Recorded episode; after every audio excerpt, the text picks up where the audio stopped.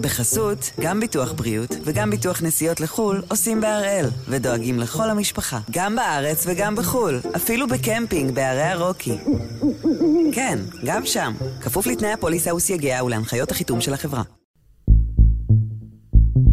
היום יום שני, 19 בדצמבר, ואנחנו אחד ביום, מבית N12.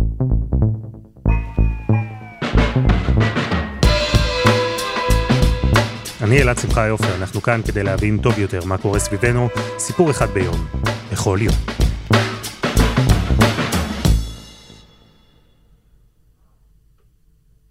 והיום אנחנו עם הפרק השני של רצח מעבר לגדר, פרויקט מיוחד של אחד ביום. אם עדיין לא האזנתם לפרק הראשון שעלה כאן אתמול, זה הזמן, עוד לפני שתתחילו להאזין לפרק החדש. אתמול הכרנו את ג'מיל סרור, אסיר עולם שיושב בכלא על רצח שאירע לפני 13 שנה.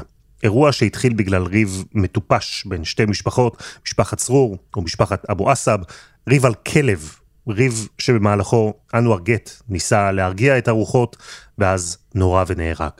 בני משפחת אבו עסב התייצבו במשטרה וטענו שג'מיל סרור הוא הרוצח, למרות שג'מיל אמר שבכלל לא היה שם.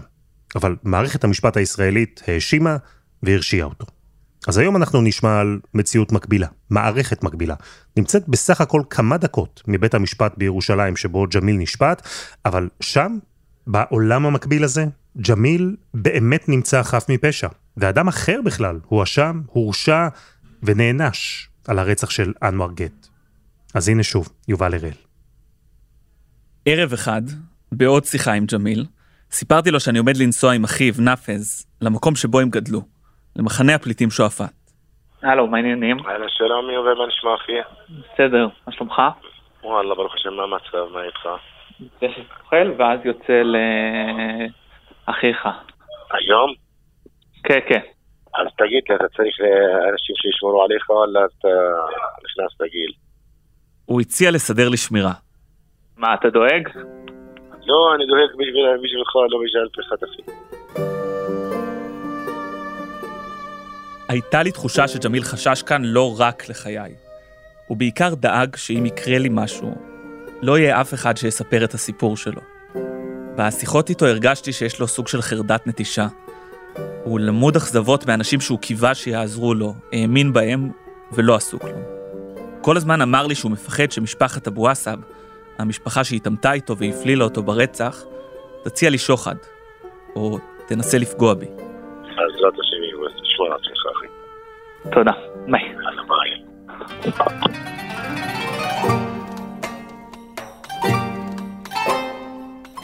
או, מה העניינים, נפס?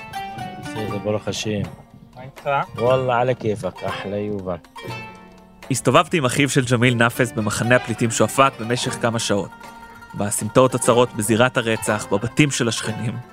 רציתי לפגוש כמה שיותר אנשים, את המשפחה של ג'מיל, את עדי הראייה, ואת משפחת הנרצח, אנואר גט. כל בן אדם שני שעבר לידינו במכונית, זכה לנשיקה באוויר מנאפס. אה, אנחנו ככה אצלנו, ככה. מה זה ככה? יעני נותנים ככה נשיקה ביד לאנשים. הגענו לבית של משפחת צרור, המשפחה של ג'מיל, וישבנו שם לדבר. בשלב מסוים הגיע אדם שלא הכרתי, בחור גבוה וקרח. ואתם שומעים גם האיש הגבוה והקרח נשק את נאפז. זה אח שלו שנפטר. זה אח של אה, אנואר? כן. חביבי ענת. זה היה אוסאמה, אח של אנואר גט, הנרצח.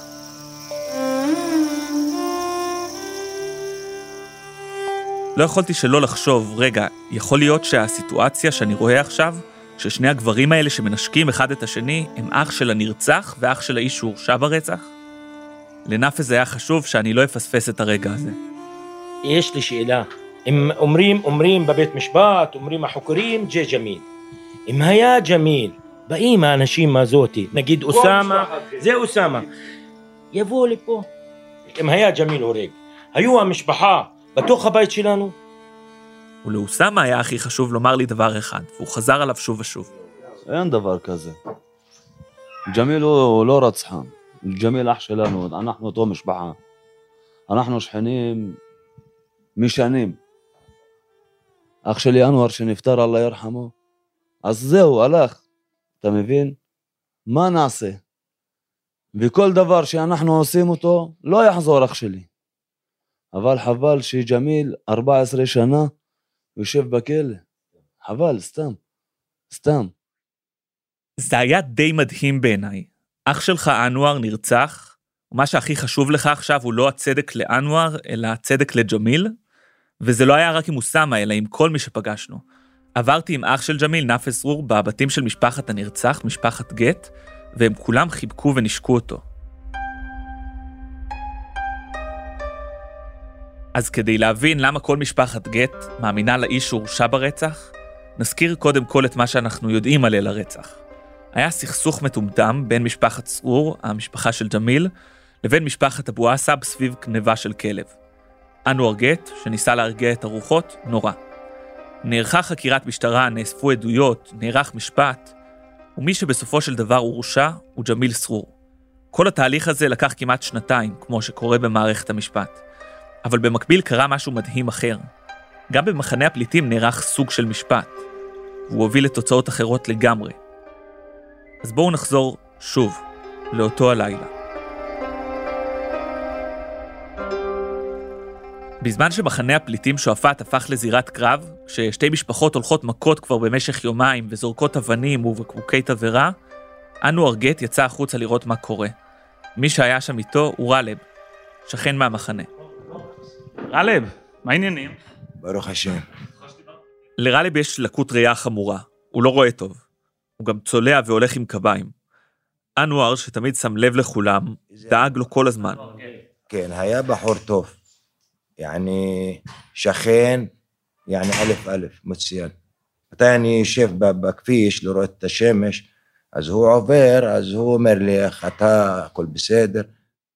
וגם בלילה ההוא, אנואר עזר לרלב ללכת. הם החזיקו יד ביד וניסו להרגיע את המצב.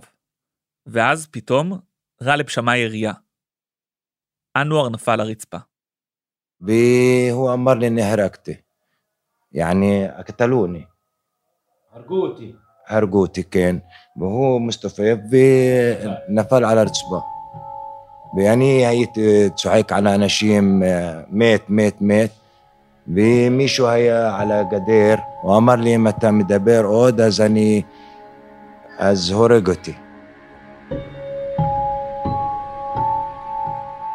רלב לא זיהה את הבן אדם שניגש אליו ואיים להרוג אותו. כמו שאמרנו, הוא לא רואה טוב. תחשבו על זה, היה אדם אחד שעמד הכי קרוב לנרצח, שהחזיק את היד שלו בזמן הרצח ויכול היה לפתור אולי את כל התעלומה. אבל הוא בקושי רואה. היו שם גם עוד אנשים, והם סיפרו למשפחת גט, המשפחה של אנואר, מה הם ראו בזירת הרצח. אותם עדים הפנו אצבע מאשימה כלפי אדם מוכר בשכונה שלהם. בחור צעיר, בן 20 ומשהו, עבריין, שהיה מעורב בסכסוך, הסתובב עם נשק, איים על אנשים, ובסוף הם אמרו, הוא ירה באנואר. לאיש הזה קוראים מוחמד פואד אבו עסב. השמועות על כך שמוחמד פואד ירה באנואר הגיעו גם לאבו אחמד גט, הביג בוס של המשפחה. זה עם הקול הכבד. שכנים באו אליו זמן קצר אחרי הרצח, ואמרו לו את זה באופן אישי. אמרו אנשים שזה מוחמד פואד. מוחמד פואד זה ילד אהבל.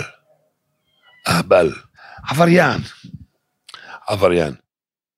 ברגע שהשמועה שמוחמד פואד אבו עסב רצח את אנואר גט התחילה להתפשט, בני המשפחה של הנרצח יצאו לרחובות וחיפשו נקמה. הם התחילו לתקוף אנשים ממשפחת אבו עסב. שרפו ש... כל בית של, של אבו עסב. באסם שרפו לו את הבית, סעד שרפו לו את הבית, ג'מאל אבו עסב שרפו לו את הבית, מוחמד פואד שרפו לו את הבית. היו 800 איש שורפים בתים של אבו עסב. אחד אה, שרפו לו את האוטו שלו, אחד גנבו לו משהו, אחד נתנו לו מכות, אחד נתנו לו אה, יראות. אנשים לא אוהבים את אבו עסב בכלל.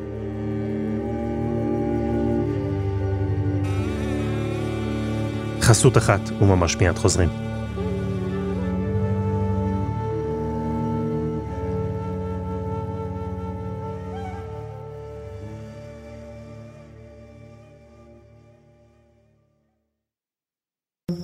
בחסות, גם ביטוח בריאות וגם ביטוח נסיעות לחו"ל עושים בהראל, ודואגים לכל המשפחה, גם בארץ וגם בחו"ל, אפילו בקמפינג בערי הרוקי. כן, גם שם, כפוף לתנאי הפוליסה וסייגיה ולהנחיות החיתום של החברה.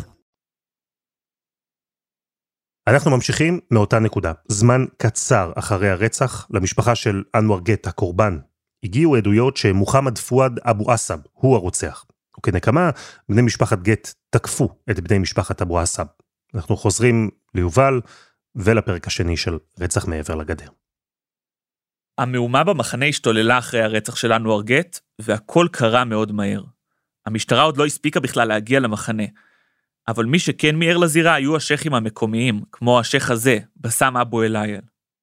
התקשרו אלינו שהייתי אני ושייח עבדאללה עלקם, היינו הראשונים במקום של הרצח. ואמרו שבן אבו עסב הוא הרג אה, בן משפחת גף.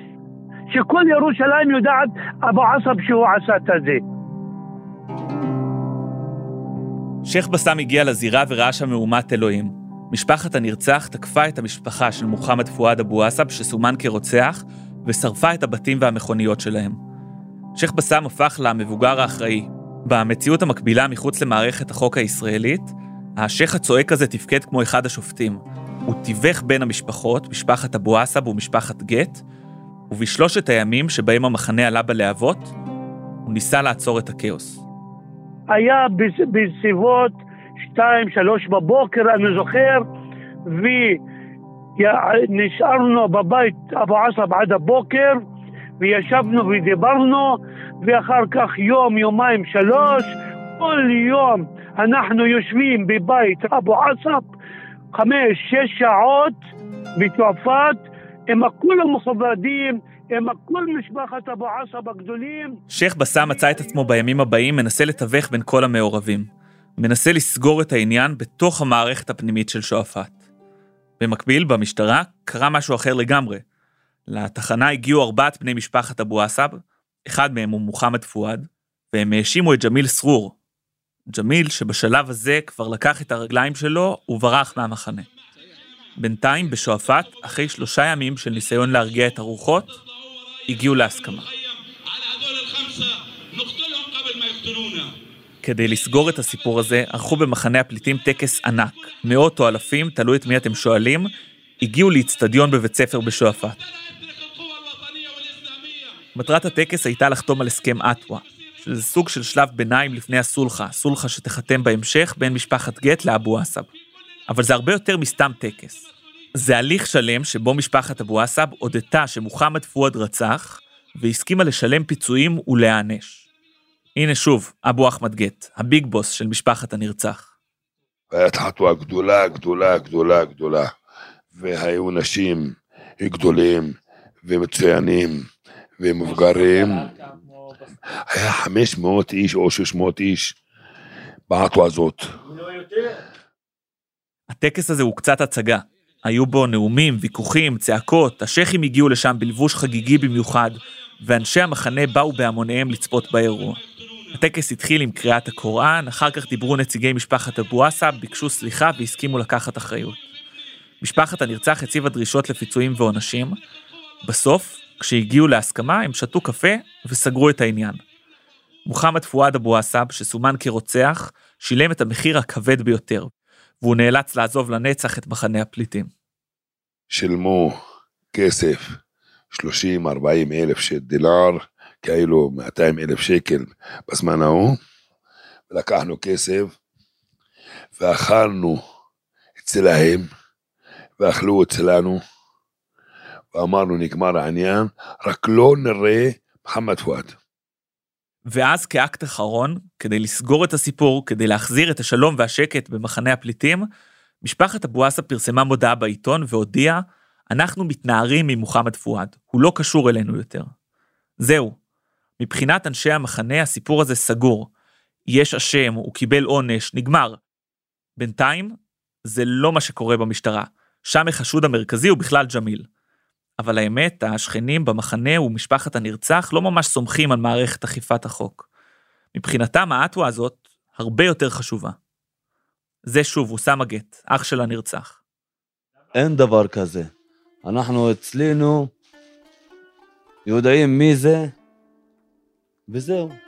עשינו עטווה ועשינו סולחה עם משפחת אבו עסב, ונגמר הסיפור. אבל ג'מיל, למה יושב עד עכשיו בכלא? 14 שנה, אני... זה לא הגיוני.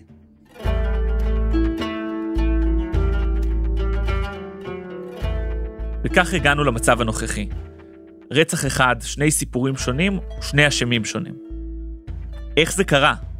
איך זה שהמשטרה, הפרקליטות ובית המשפט, איך הם לא שמעו על מה שקרה במחנה בימים שאחרי הרצח? איך הם לא קראו את הסכם האטווה?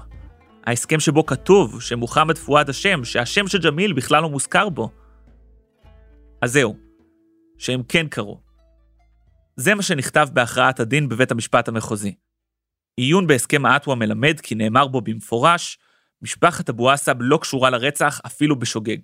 מדובר בהסכם שנועד לצנן את הרוחות, ואין לראות בו אינדיקציה לנטילת אחריות מצד משפחת אבו עסב על עצם ביצוע הרצח. עכשיו בואו נתרגם את זה לעברית. מה שבית המשפט אומר, זה שבאטווה כתוב במפורש, משפחת אבו עסב לא קשורה לרצח. זה הוביל אותם למסקנה שאטווה הייתה רק בשביל להרגיע. משפחת אבו עסב פשוט לא רצתה להסתכסך עם משפחת גט, המשפחה של הנרצח, אז הם הסכימו לשלם פיצויים, אבל לא לקחו אחריות על הרצח. היה פה איזשהו פער, בית המשפט המחוזי קבע שבני משפחת אבו עסב לא לקחו אחריות באטווה, אבל בשועפאט כולם אמרו לי ההפך, שהם לקחו אחריות, ושמוחמד פואד אבו עסב הוא הרוצח. אז ניסיתי להבין מה גרם לפער הזה. התשובה לשאלה הזו התגלתה רק כמה שנים אחרי הכרעת הדין. ג'מיל כבר הורשע, הוא יושב בכלא ומתקשר לכל העולם ואשתו. פנה גם לסנגוריה הציבורית, אין לו הרבה כסף, והסנגוריה הציבורית מייצגת אנשים כמוהו ללא תשלום. אורי שלו, דובר הסנגוריה, שמע על התיק בישיבה שגרתית בעבודה, עם עורכי הדין שקיבלו את הפנייה של ג'מיל. הם התלבטו מה לעשות איתו. הם סיפרו את התיק, ואז תוך כדי הם אמרו שהם מחפשים אה, מומחה לחברה הפלסטינית. עורכי הדין חיפשו מישהו שיוכל להסביר מה המשמעות של ההסכם הזה, של האטווה. וסוף סוף היה משהו שיצא מהתואר הראשון שלי בהיסטוריה של המזרח התיכון, ואני נזכרתי שלפני 20 שנה היה לי מרצה, אה, דוקטור צעיר בשם הלל כהן, שהיה לי סמינר על החברה הפלסטינית. אמרתי להם שנראה לי שהוא יתאים, אז הוא ענה לי, אני לא חושב שאני יכול לעזור לכם, אבל uh, אני אשמח. אז uh, הלכנו, וישבנו עם הלל, הוא לקח את כל החומרים והתחיל לקרוא. פרופסור הלל כהן מכיר את החברה הפלסטינית מגיל צעיר. הוא למד ערבית כנער, ומאז נמצא בקשר הדוק עם פלסטינים מהשטחים וממזרח ירושלים. הדבר הראשון שעשיתי זה אני ביקשתי לראות uh, את המסמך שהוצג בפני בית המשפט המחוזי, שזה המסמך של תרגום של, של האטווה שהייתה שם. Uh, וכשראיתי את המסמך, uh, בהתחלה לא הבנתי מה כתוב בו, ואחרי ש... שלוש, ארבע, חמש דקות אני מעיין בו במסמך בעברית, אני מבין שהוא כתוב הפוך. מה זאת אומרת כתוב הפוך? אני חושב שהעבירו את זה מאפל לוורד. ואז המילים יצאו ככה. זאת אומרת, פשוט זה, זה כמו שבראשית ברא אלוהים את השמיים ואת הארץ, היה כתוב הארץ עת, השמיים ועת, ברא אלוהים, אוקיי? זה בערבית, אוקיי? אז יש לך מסמך הפוך בערבית. נותנים את זה לשוטר שיודע קצת ערבית. ככה אני מניח שזה מה שקרה. נתנו את זה לשוטר שיודע קצת ערבית, הוא זיהה את המילים, תרגם את המילים, יצא לו איזה משהו לא הכי ברור, עשה קצת אה, עיבוד ועריכה, ויצא לו מסמך שכאילו אפשר לה, לה, לה, להגיש לבית משפט. התרגום של האטווה היה פשוט תרגום לא נכון, כן, תרגום שגוי שהשתרבב להרשעה של ג'מיל. במסגרת האטווה משפחת אבו עסב לקחה אחריות על הרצח, אבל בתרגום שהוגש לבית המשפט נכתב בדיוק הפוך, שהם לא לוקחים אחריות. וזו טעות דרמטית, כי בעקבות הטעות הזאת, השופטים קבעו שהאטווה בכלל לא חשובה, שמשפחת אבו עסב הסכימה לשלם פיצויים רק כדי להרגיע את המצב. המשמעות אה, של המסמך הזה, בעצם שהוצגה בפני בית המשפט, הייתה הפוכה אה, מהמשמעות האמיתית שלו. אז זה נתן לי את הפוש הראשון להיכנס אה, יותר לעובי הקורה, ולנסות להבין מה קרה שם בעצם באותו לילה במחנה הפליטים שועפאט. הטעות בתרגום התגלתה אחרי שג'מיל הורשע במחוזי, תוך כדי הערעור לעליון. זה לא עזר לו והערעור נדחה. אבל כשהלל כהן קרא את האטווה, היה דבר נוסף שפשוט לא הסתדר לו. משפחת אבו עסב היא לא משפחה ש... ש... שמישהו יכול לה... לה... לה... להפיל עליה אשמה בדבר שהיא לא מעורבת, והם יגידו, אוקיי, אנחנו מקבלים את זה, אנחנו אשמים. בדרך כלל עושים את זה למשפחות משולי החברה, למשפחות שאין להם שום כוח חברתי אה, או פוליטי אה, או כלכלי. פה, לא- פה זה לא נראה לי המקרה. ולכן, העובדה שג'מיל סרור נמצא בכלא, זה לפחות מעורר סימן שאלה. אחרי שהוא קרא את הסכם האטווה, פרופסור כהן כתב חוות דעת לטובת ג'מיל. הוא קבע שההודעה של משפחת אבו עסב מבטאת לקיחת אחריות אמיתית על הרצח. ולבית המשפט פשוט לא הייתה הבנה בחברה הפלסטינית שנדרשה כדי להבין את זה. אנחנו רואים פה הבדל בין שתי מערכות, שזה באמת מערכת אחת שהיא מנותקת מהשטח. ומבלי להכיר את החברה, הם אמורים לפסוק האם פלוני ירה, ירה באלמוני. עכשיו אומרים, בשביל מה צריך להכיר את החברה? למה אני צריך להכיר את החברה? יש לי עדים, יש לי בליסטיקאי. הנה, אז אני עושה אחד ועוד אחד, העד הזה אמר ככה, הוא אמר אמת. זה אמר ככה, הוא שיקר. ואז הם מגיעים למסקנה. אני משער שבאחוז ניכר מאוד מהמקרים הם מגיעים למסקנה נכונה. אני משער שגם שופטים יודעים שבאחוז מסוים מהמקרים הם מגיעים למסקנה לא נכונה.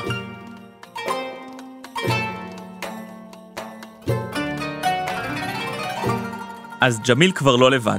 לאט לאט החמ"ל שהוקם בתא הקטן בכלא מתרחב החוצה, והוא מצליח לגייס קבוצה של אנשים שמאמינים לו ומחליטים להילחם יחד איתו עד הסוף. המאבק יעלה שלב, מה שיהפוך אולי לצ'אנס האחרון במסע שלו להוכיח שהוא חף מפשע.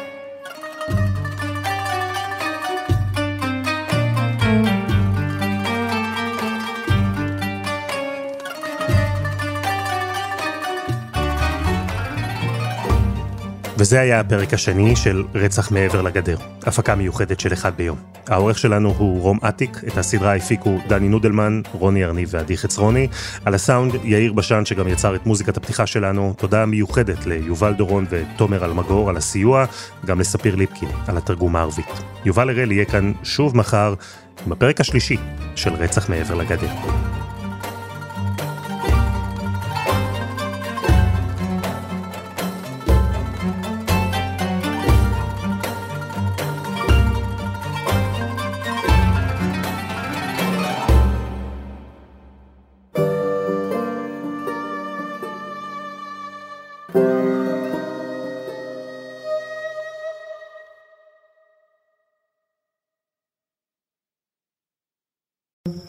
בחסות, גם ביטוח בריאות וגם ביטוח נסיעות לחו"ל עושים בהראל, ודואגים לכל המשפחה, גם בארץ וגם בחו"ל, אפילו בקמפינג בערי הרוקי.